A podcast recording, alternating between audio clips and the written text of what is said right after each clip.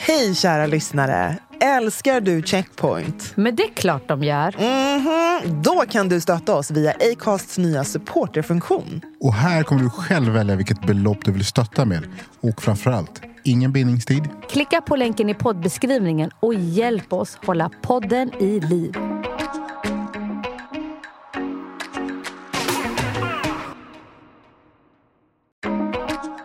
Har missförstått situationen. Exakt. Inte den personen Mm. utsatte Mm. dig för en rasistisk handling. Och jag tänker bara att lyfta luren och ringa till DO i ett samhälle som hela tiden lär oss att så här, nej men vet du vad, det var inte så de menade. Mm. Alltså att ens kunna formulera för sig själv, så här, vänta det där var rasism jag Mm. utsattes för.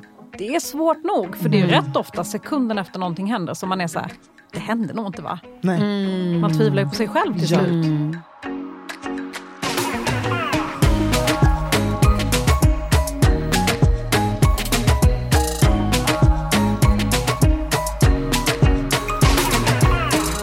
Välkomna till Checkpoint avsnitt 31! Yeah! Och varmt välkommen om du är en helt ny lyssnare. Välkommen. Välkommen. Vi är så glada att du har hittat hit. 100 procent. Ja, men hörni, vad är Checkpoint för den som inte har eh, lyssnat på oss tidigare? Ett safe space. Där eh, vi försöker adressera de obekväma samtalen så att det blir väldigt bekvämt. Med våra röst- härliga röster. Exakt. Men verkligen. Men också att vi försöker adressera våra samtida ämnen. Det som händer i samhället nu. Ja men verkligen. Och mycket av det, vår gemensamma nämnare för den som inte kan se oss är ju att vi dun, alla är Vi är alla svarta Ja. eh, svenskar så att säga. Eh, och jag heter Nicole.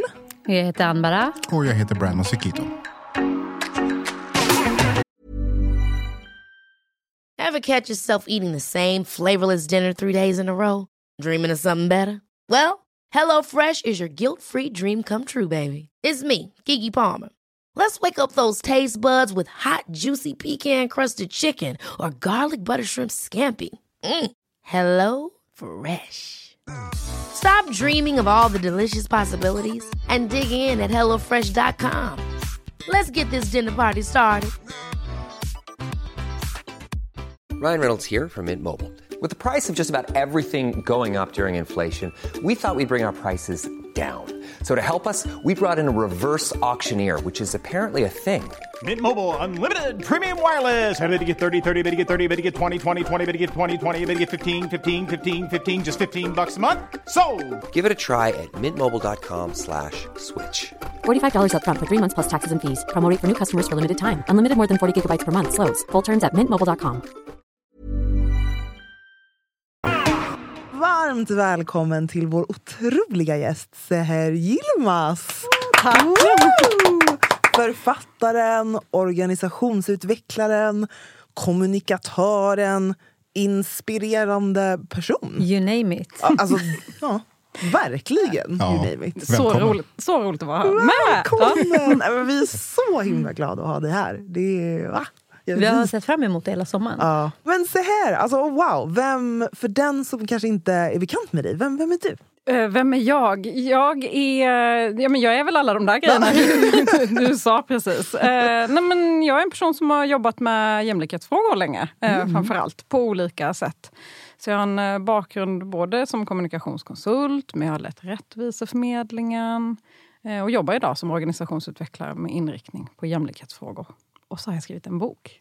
Ja. En applåd det. Nej, men, alltså wow! Det är bara att suga åt dig. Ja, nej men, och vi ska prata om den här boken väldigt mycket och om dig. Men eh, boken heter Vad jag pratar om när jag pratar om rasism och kom ut för några veckor sedan. Så löp och köp. Vi, vi lägger länk överallt där vi kan. Exakt.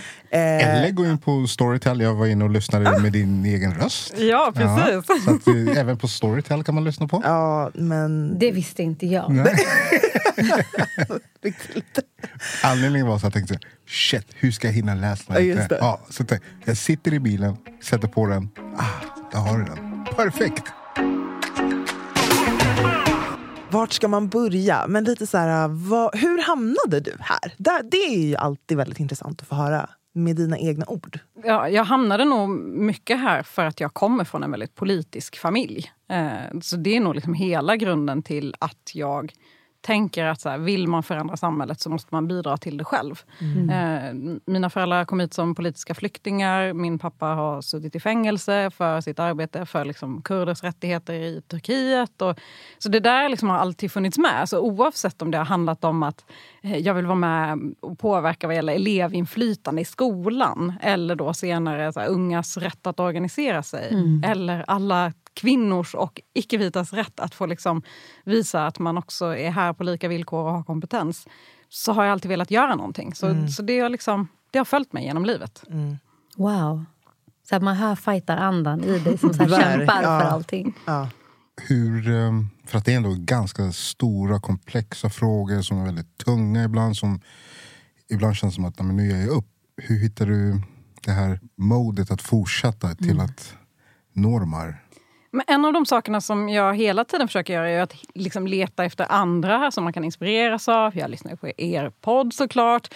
Eh, nej men att, att se att man inte är ensam tror jag är en jätteviktig del i att försöka förändra. Framförallt om man liksom sitter på sin egen kammare och, och liksom har tankar eller vill någonting. Känner man sig väldigt ensam så kan det kännas så oerhört överväldigande. Här, Ja, exakt. "Ah, idag ska jag vakna och förändra världen. Mm. Eh, så att liksom både hitta andra att inspireras av men också försöka ta det steg för steg kanske. Att inte göra det sådär vakna och tänka att man ska förändra världen för Mm. det blir så himla stort. Eh, Så, så det är väl min, mitt sätt att ta mig an det. Så att, om jag tolkar det rätt, alltså börja ändra sig själv på något sätt med inställningen och sen kanske utåt? Eller förstod jag? Nej, men snarare liksom att hitta inspiration genom att liksom titta på vad andra gör så att man också kan så här, se att går det... det- Ja, ni, ni har ett samtal till exempel som inspirerar andra. Var kan jag föra mina samtal? Eh, men också att inte göra det för stort kanske. Eh, utan att liksom, vad kan jag göra där jag är? Och jag är övertygad om att alla kan göra någonting. Exakt. Eh, och det gör det liksom lite enklare att orka. Det är en jättebra poäng. För det där, Faktiskt. den frågan får jag väldigt ofta när jag föreläser. Att så här, men gud, okej, var ska man börja? Man bara, fast, eller så kanske det är det lilla. Det kanske är det här lilla i vem du väljer att rekrytera. Det kanske, okej, det kanske en- kan upplevas som en stor grej men också så här, hur, hur pratar du med dina kollegor? Vem väljer du att sätta dig bredvid och äta lunch? Eller, alltså så här, det kan vara de här små besluten i vardagen som, gör, som har enorm effekt. Exakt. Och det är Absolut. det man oftast inte ser. För jag tänker också att det är alla de där besluten vi fattar i vardagen som tillsammans blir ett mönster av så här, hur jag agerar, vem jag bjuder in eller vad vi som organisation gör tillsammans. Så det är ju i de där små sakerna som det kommer på något sätt börja hända saker. Sen tycker jag ju att någon ska ta hand om det stora liksom, systemet. Det behöver någon också hantera. Men det kanske inte är liksom, den enskilda individen som kan lägga allt det där på sina axlar. Utan då Nej, behöver exakt. vi få till politik och vi behöver liksom samhällsförändring. Men något som jag tycker är fantastiskt genomgående i boken är hur man får följa med dig, men också i allt det här faktuella och liksom, men, kunskapen som behövs, eller snarare få en förståelse för hur allting hänger ihop, så är det också som att du samtidigt har en berättelse och öppnar upp för din egen uppvaknande kanske är fel ord, men du beskriver det så himla bra i hur det stegvis är så här, helt plötsligt så börjar man förstå det ena och det andra. Eh, jag har skrivit ner en massa fantastiska citat från boken, men just det tycker jag också kan vara så viktigt att vi liksom vi, alla icke-vita, eller liksom, men också framförallt vi som brinner för de här frågorna och faktiskt försöker göra någonting. Det är inte som att man bara vaknade upp en dag och bara nu Martin Luther King nummer två, let's go. Alltså, det är ju inte så, utan det är ju, det är en resa för oss också. Och jag kan ibland, eller jag tänker på det, eller jag känner det att när vissa liksom frågar eller pratar om specifika personer, att så, ah, fast du vet, för tio år sedan så var den här personen så där. Så att I don't know om det är liksom äkta. Man bara, men vi alla utvecklas Exakt. väl? Och det tycker jag är en så himla viktig aspekt i det här. Att vi liksom, det är nästan som att det ställs högre krav för att vi vill förändra och försöker. Och så börjar man titta igenom, så, här, men du vet, 2008 så... I don't know, du var blond. Man bara, men Gry, Kolla på gamla bilder Men, nu men, eller? men jag tänker här, som rasifierad, jag kan förstå att man kanske inte har gjort någonting i flera år och kanske bara så här, brushed allting under mattan. Men kanske någon gång så, så hamnar man i en sån här, men nu tänker inte jag bara men nu tänker inte jag bara fylla på ryggsäcken längre utan nu ska jag försöka göra någonting åt saken eller lyfta ämnet. Så jag tycker, alltså jag tycker att det är konstigt när folk säger som, som du förklarar. Alltså, Alltså, du gjorde ingenting tio år sedan. Typ så här, varför ska vi lyssna på dig? till exempel. Man kanske har fått den här, men nu räcker det. Eller typ fått en Men jag, jag tycker också kämparanda. att man måste sätta det i en kontext av Sverige. Alltså, det är inte så att det här samtalet, det är klart att det har funnits. Men det har inte varit så stort. Eh, och, och jag tror liksom, det finns ju så här, ett medvetandegörande som hela tiden fylls på. Vi får nya ord, vi läser liksom det som händer i andra delar av världen. Eh, så att säga så här, "Åh, för tio år sedan visste du inte ens vad rasifiering betydde. Så bara, nej men det gjorde typ ingen. Alltså, så här, man får också sätta det i en kontext att eh, det har liksom, vi, vi lever i ett samhälle som har gjort allt de kan för att vi inte ska upptäcka den här utvecklingen. För att vi inte ska få sätta ord på våra erfarenheter Exakt. och, och liksom få kunskapen. Då är det inte så konstigt att vi allihopa har utvecklats. Du var inne på det här med ryggsäcken. Så jag la märke till att du använde vissa ord otroligt många gånger. Och det blir alltså skammen. Skammen är ett ord som hela tiden, du kände skam när det, när det kommer till språk, eller du kände skam när det kommer... Alltså, hur är det idag? Ja, men jag tänker att jag, eh, nej men jag upplever inte att jag skäms lika mycket. Den, jag bär den inte lika tydligt hos mig själv. Men det är klart att så länge man blir gjord till den andra i samhället så ligger det ju kvar en skam. Eh, och, och den liksom handlar inte om att jag vill bära skam utan att samhället ser till att det där finns med och gör sig påmind. Jag skulle säga att jag har kommit längre idag. Eh, och det kanske inte är för att samhället är tusen gånger bättre utan för att jag har lärt mig också att inte behöva ta åt mig. Att känna att det liksom inte är mitt fel att jag inte kan den där referensen. Att jag inte klarar av att uttala det där ordet eller att jag inte förstår vad som håller på att hända i det här sammanhanget.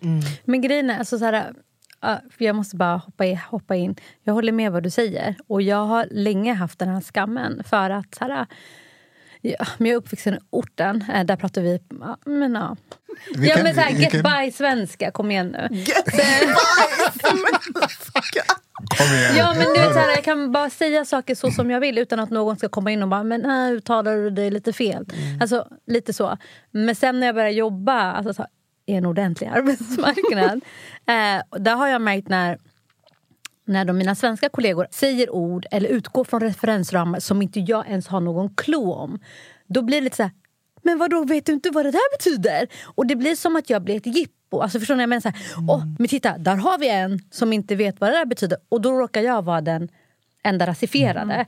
Och då är det så här, okej en gång, två gånger, det är fine. Men att hela tiden bli påmind om att okej men du, du är inte som oss.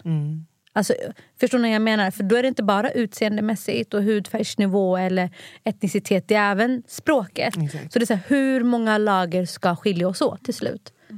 Ehm, och jag brukar, alltså ett tag var jag så här otroligt så här, ordentlig när jag skulle prata och tänk, alltså så här, tänkte så här, jättemycket innan jag sa någonting och försökte verkligen så artikulera mig ordentligt. Men nu har jag kommit till en insikt där alltså jag bryr mig inte. Fattar du mig så fattar du mig. Annars I don't know. Men länge så mådde jag jättedåligt av det. Ja, men jag tänker på hur många som antagligen går runt och mår dåligt. Alltså, jag kan ju också känna mig tryggare idag. Idag är jag medelklass, jag rör mig i vita rum, liksom, inte obehindrat men ändå nästinpå.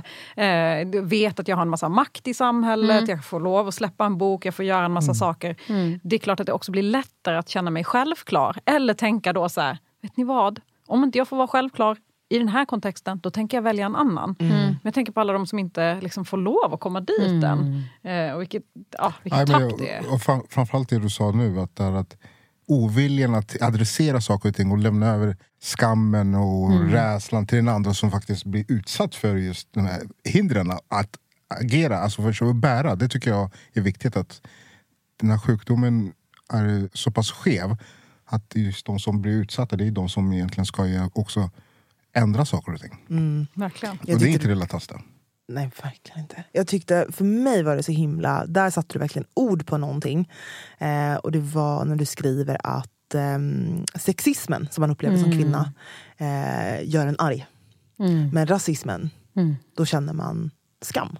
Exakt. Det hade inte jag kunnat sätta ord på innan. Att verkligen säga, jag var där, metoo, jag var längst fram, jag marscherade, jag satt där med alla andra fantastiska kvinnor eh, och ville se förändring. Men någonstans var det att jag var fortfarande...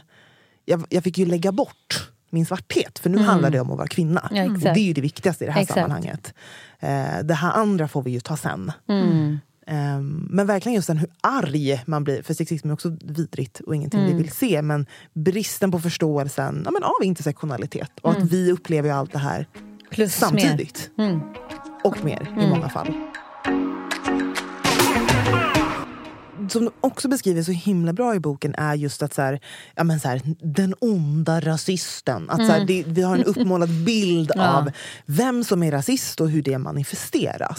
Medan i praktik, alltså i verkligheten så upplever vi- det genom strukturerna. Det är ju så Exakt. vi egentligen upplever. Allt ifrån vår skolgång till liksom, arbetsmarknaden och när vi ska handla. Ja, men you name it. Det är ju så vi egentligen upplever det.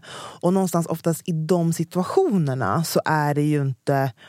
Jo, jag har mött många tillfällen eller själv tänkt att så här, Nej, men nu gör jag en, en DO-anmälan. Mm. Men vi vet ju att man inte kommer att fullfölja det för att most likely så kommer ingenting att hända. Och det är så jobbigt att ens försöka sig på en DO-anmälan ska jag nog säga. Jag har typ varit där jättenära. Men vad jag ansåg var rasism och det ja, men personen på andra linjen på DO som skulle hjälpa mig ansåg var rasism. Vi hade ju två helt olika uppfattningar. Så då blev jag per automatik... Alltså jag fick den personen så här, nja, tveksamhet.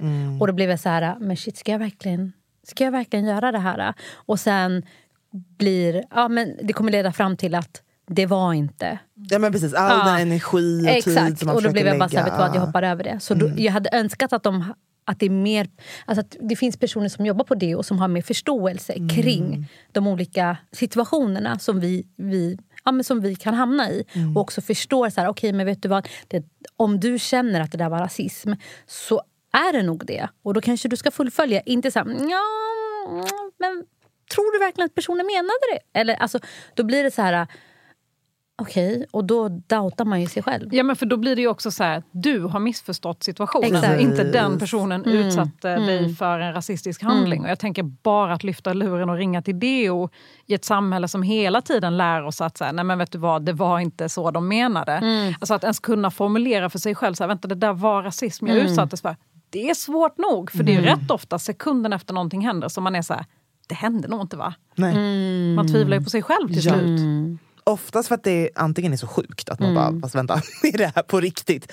Men också precis på samma sätt som kvinnor kan relatera till att så här, ja, men någon tog det på rumpan, så bara, eller alltså råkade han bara komma åt med handen? Nej, alltså jag tror att det var, nej, det var typ bara hans jacka. Nej, nej, nej, Ja. det hände inte. Det är ju precis samma grej, för att det, det är så vi är stöpta.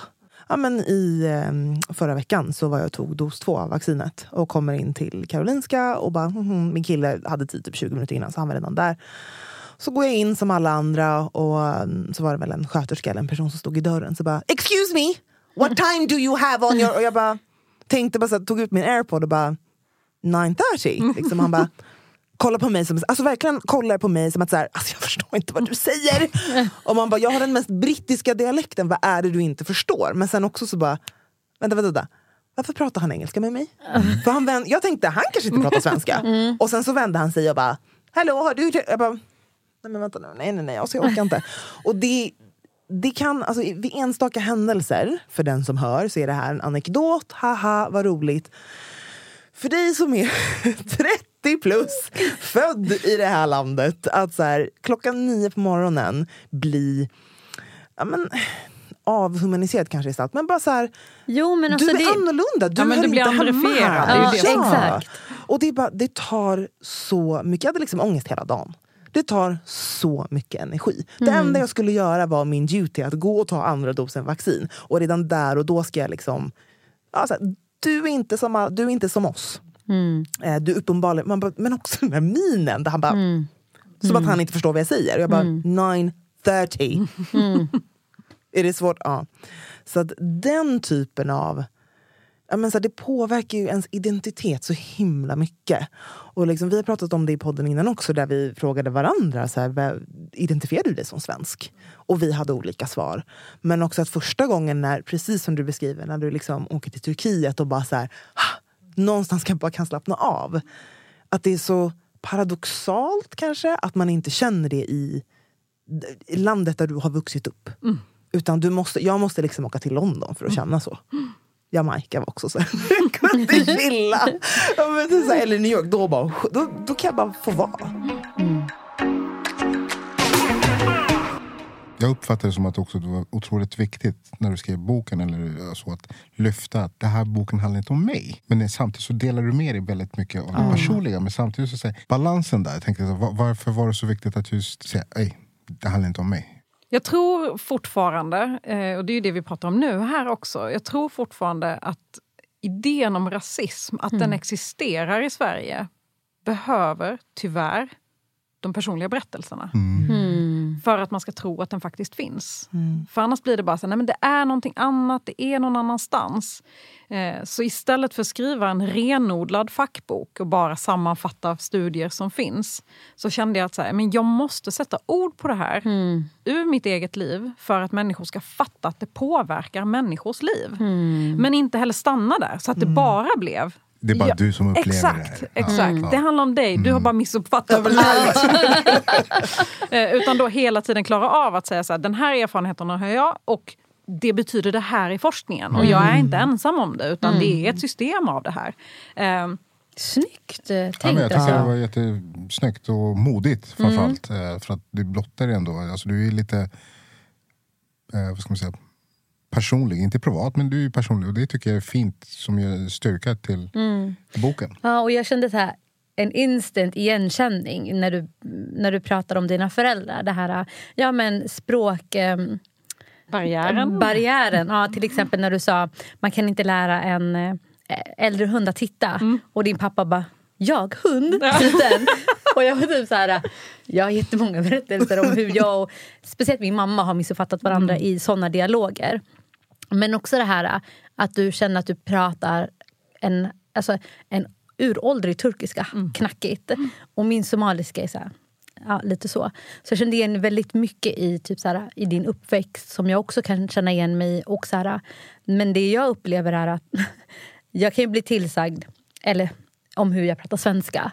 Men samtidigt om så här, bland somalier, om hur jag pratar somaliska. Och också the lack of somaliska som mina barn kan. Så språkmässigt blir det aldrig så här, okej här känner jag mig 100%. Eller här i den här kontexten känner jag mig 100%. Eller bland somalier, här, alltså jag flourish. Så det är så här, inom de olika alltså språken jag kan så är jag halvdan. Och det är lite det som, men det sitter nog kvar hos mig. Ja, men det är någonstans, vår gemensamma nämnare i det här rummet är ju mellanförskapet. Som vi alla på olika sätt relaterar till. Just det att så här, vänta, har jag ens hemma någonstans? Jag, det, jag sa ju det här när jag gick i skolan, när, jag, när de första gången kanske berättade om vad, vad rasism var och vem Hitler var. Det kanske var typ 9-10. Så räckte jag upp handen och bara, men vänta nu, då kanske alla vi så pekar på oss då, som var liksom, många var blandade. Bara, ska vi typ ta en egen ö och bo där? Alltså, så här, för att vad, jag, jag förstod inte kopplingen till då ras och tillhörighet. Den har jag liksom aldrig förstått, såklart. För att jag är ju blandad, så varför skulle jag liksom förstå det? Men också just att men jag ser verkligen en så tydlig brist på... hur Vi, vi pratar inte om mellanförskap.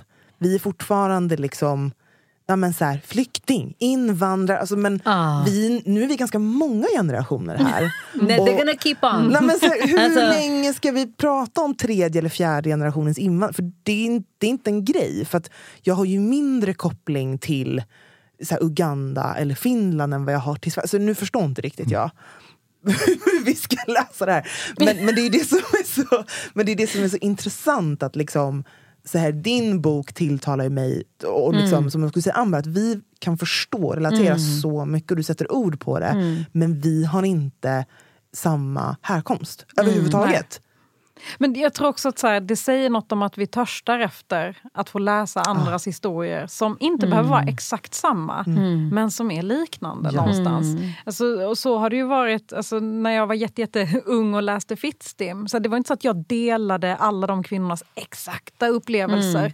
Men det var så här, här sätter någon ord på saker som jag har tänkt på. Eller som jag inte har vetat vad det handlar om. Och så vissa saker var så här, nej men det här har inte med mig att göra.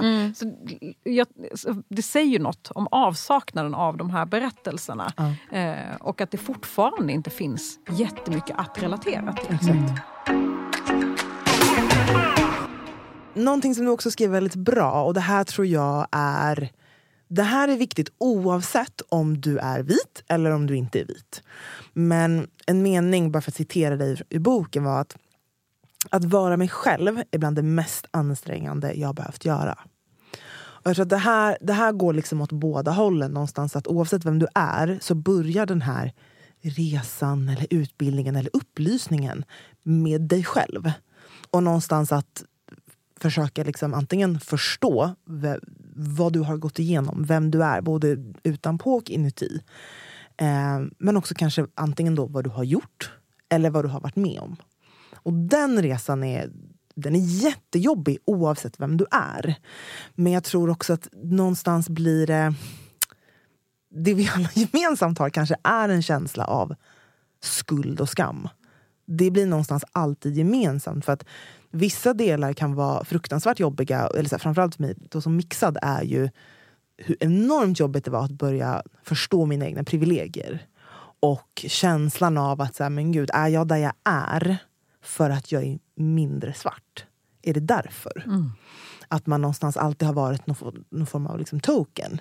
Ehm, eller skammen över att ja, men man blir så accepterad i vita rum. Det blir liksom en, en annan skam. Antingen känner du skam för att du inte får komma in och sen en annan dag känner jag skam för att jag får det. Så jag vet liksom det blir så... Det är bara ångest hela vägen. Men eh, jag tycker den är så himla viktig att någonstans, jag vet inte, det finns liksom ingen härlig väg som vi alla kan gå på och sjunga Kumbaya. Utan det här är pissjobbigt. Det är jobbigt ja. Det är riktigt, riktigt jobbigt. Och det kan ta så himla lång tid. Jag känner att förut kunde jag bli väldigt arg på den här personen som ställde sig upp eller räckte upp en hand när man föreläste eller ens pratade om det här. Och den här personen inte är vit och säger så här, men jag har aldrig upplevt det där. Jag som svart tycker inte att pojken i tröjan där det stod coolest monkey of the jungle tycker inte att det är ett problem. Och jag kunde bli så arg på den här personen och bara så här, men hur, hur kan du inte se? Alltså jag ville liksom skaka om dem. Men idag, ganska många år senare, så blir jag bara väldigt ledsen. Jag blir ledsen. Jag blir ledsen att så här, och, och tänker att jag hoppas att den här personen börjar se. Men, och samtidigt kan jag vara så här... Jag blir ledsen för att den inte ser. För man förstår ju att det handlar om internaliserad rasism och en massa andra saker. Och samtidigt kan jag vara så här... Vad skönt. Tänk om man bara Eller- slapp se. Alltså, så det är det liksom, det, det. att börja se är ju också jätteuttröttande. Ja, det det. är ju verkligen det. Det hade varit jättemycket lättare om man bara gick omkring här i världen och var så här... finns inga strukturer. Allt jag får förtjänar jag. Jag är på exakt den platsen jag förtjänar. Gud vad skönt det hade varit. Det är, som att, det är som att bli vuxen. Det är den dagen när man insåg holy shit. Världen byggs upp av pengar och makt. Och det är männen som har... När man in den dagen, man bara, "Åh!" det var som att allt raserades. Typ så känns det att börja se det här. Men tror du, eller liksom, hade du det... Eller vem hade du i åtanke främst när du skrev den här boken? Men jag har haft två liksom, grupper, eller man ska säga, målgrupper i, i, i åtanke. Och det ena har varit andra icke-vita som känner eh, ja, men någon slags sökande eller behov av eller vilja av att bara bli bekräftad. Alltså, det behöver inte vara att man är så helt okunnig utan snarare så här... eh, Jag menar, jag, jag älskar ju att läsa böcker som bekräftar också saker jag känner. Eh, så liksom, den målgruppen är den ena. Och den andra målgruppen är ju människor i allra största allmänhet som är nyfikna, intresserade men som inte riktigt kanske har hittat rätt ingång i det. Eh, och som kan liksom bli förvirrad eller rädd av de liksom visklekar som pågår i den svenska debatten när det kommer till frågor om representation eller identitetspolitik och liknande. Eh, att vara liksom på något sätt en ingång för dem och säga så här, vet ni vad, det är det här det handlar om.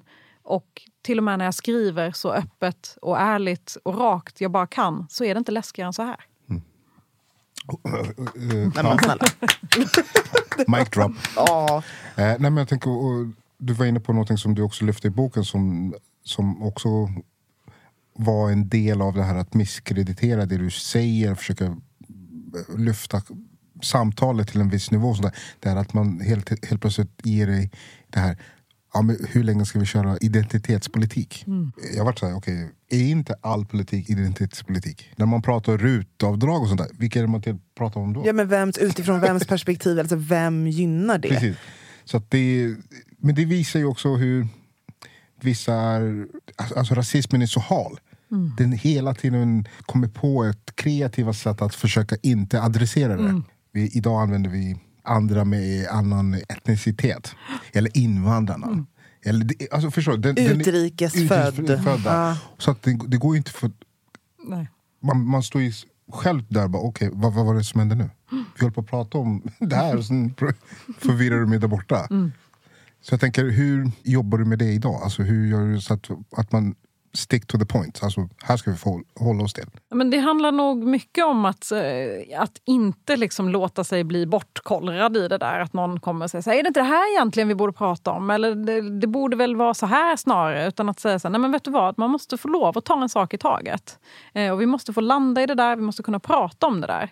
Eh, och att liksom, men inte låta mig bli liksom, ah, bortfintad helt enkelt. Ehm, så. Sen är jag också lite så här, ibland kan jag i verksamheter eller i organisationer kan jag också vara så här, vad man slår knut på sig själv för att slippa göra saker. Alltså, det Det är liksom, sant. ja men verkligen. Ena dagen säger man så här, nu ska vi prata om mångfald och nästa dag bara, "Ah, mångfald är utslitet. Det tycker jag också. Jag tycker att det är ett, liksom, ett ord vi kanske inte behöver använda så himla mycket. Men, och tredje dagen så säger man, vi har kommit på ett nytt ord. Och så någonstans där säger jag så här, men Varför ska man inte använda mångfald? Eh, för att det inte utmanar. Alltså det, mångfald är ju på något sätt målet. Jag vill prata om rasism. Eh, så. Eh, ja, och mångfald kan dessutom betyda tusen olika saker. Exakt. Men rasism är bara vi som utsätts för. Japp. Och jag ställer en fråga för att jag håller med dig. För att jag brukar också säga att mångfald är ett, ett, det är ett faktum. Det är ingenting att diskutera. Det är, det är som det är. Men är hur du inkluderar och adresserar vissa frågor. Det är det som är det viktiga, tänker jag.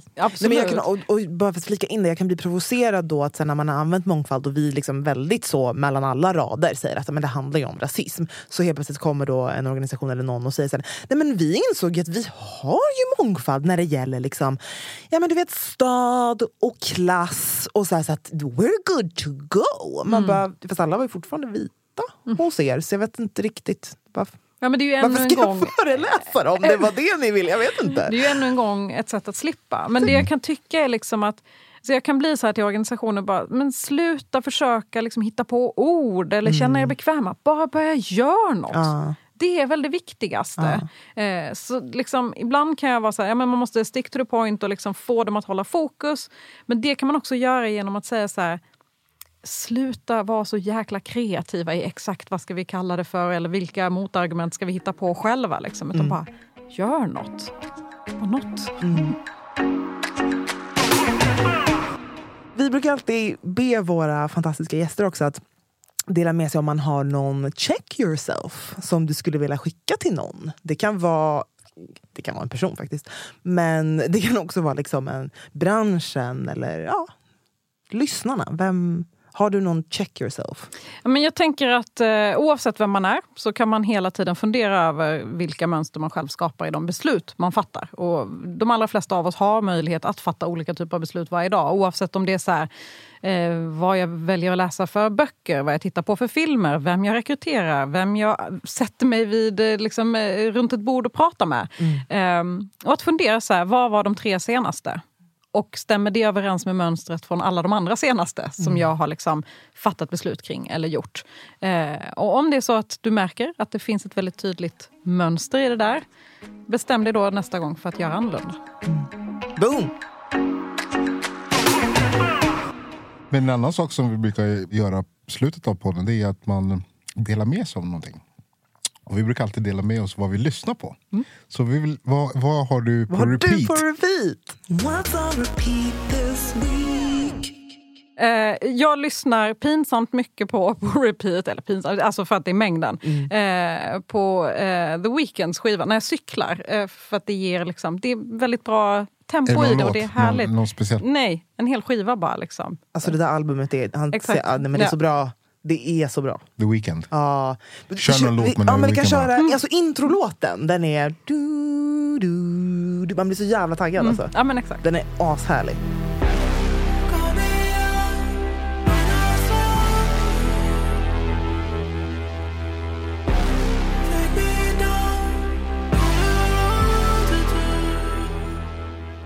Jag har idag kommit... Skratta inte då. Nej, jag kommer inte skratta. Nej. Du, jag har idag Lean Back med Fat Joe. TBT! Åh, vad kul! I don't give a fuck about your faults or mishaps, nigga. We from the Bronx, New York, shit happens. Kids clapping, love to spark the place. Half the niggas in the squad got a scar on their face. It's a cold world and this is Jag har en, re, vad ska man säga, en remake på You might need somebody med Dandelion. Den är ashärlig.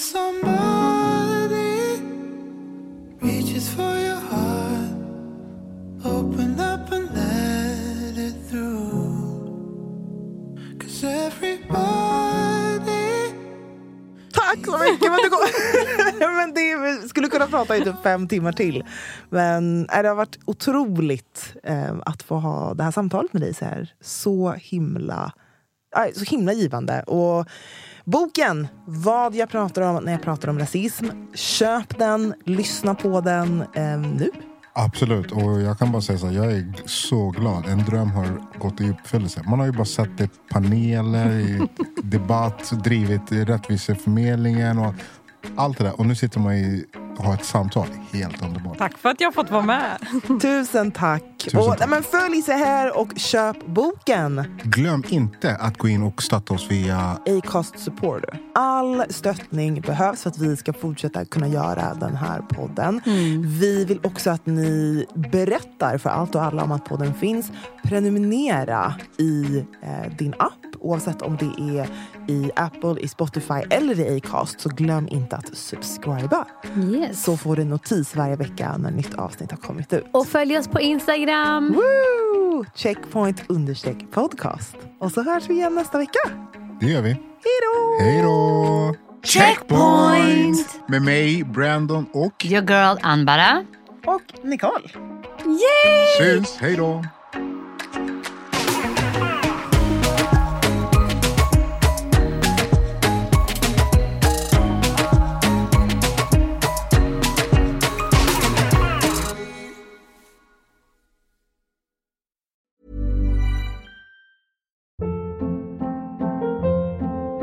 Hold up. What was that? Boring. No flavor. That was as bad as those leftovers you ate all week. Kiki Palmer here, and it's time to say hello to something fresh and guilt-free. Hello Fresh. Jazz up dinner with pecan-crusted chicken or garlic butter shrimp scampi. Now that's music to my mouth. Hello Fresh. Let's get this dinner party started. Discover all the delicious possibilities at hellofresh.com. Even when we're on a budget, we still deserve nice things. Quince is a place to scoop up stunning high-end goods for 50 to 80% less than similar brands. They have buttery soft cashmere sweaters starting at $50, luxurious Italian leather bags, and so much more. Plus, Quince only works with factories that use safe, ethical, and responsible manufacturing. Get the high-end goods you'll love without the high price tag with Quince. Go to quince.com slash style for free shipping and 365-day returns.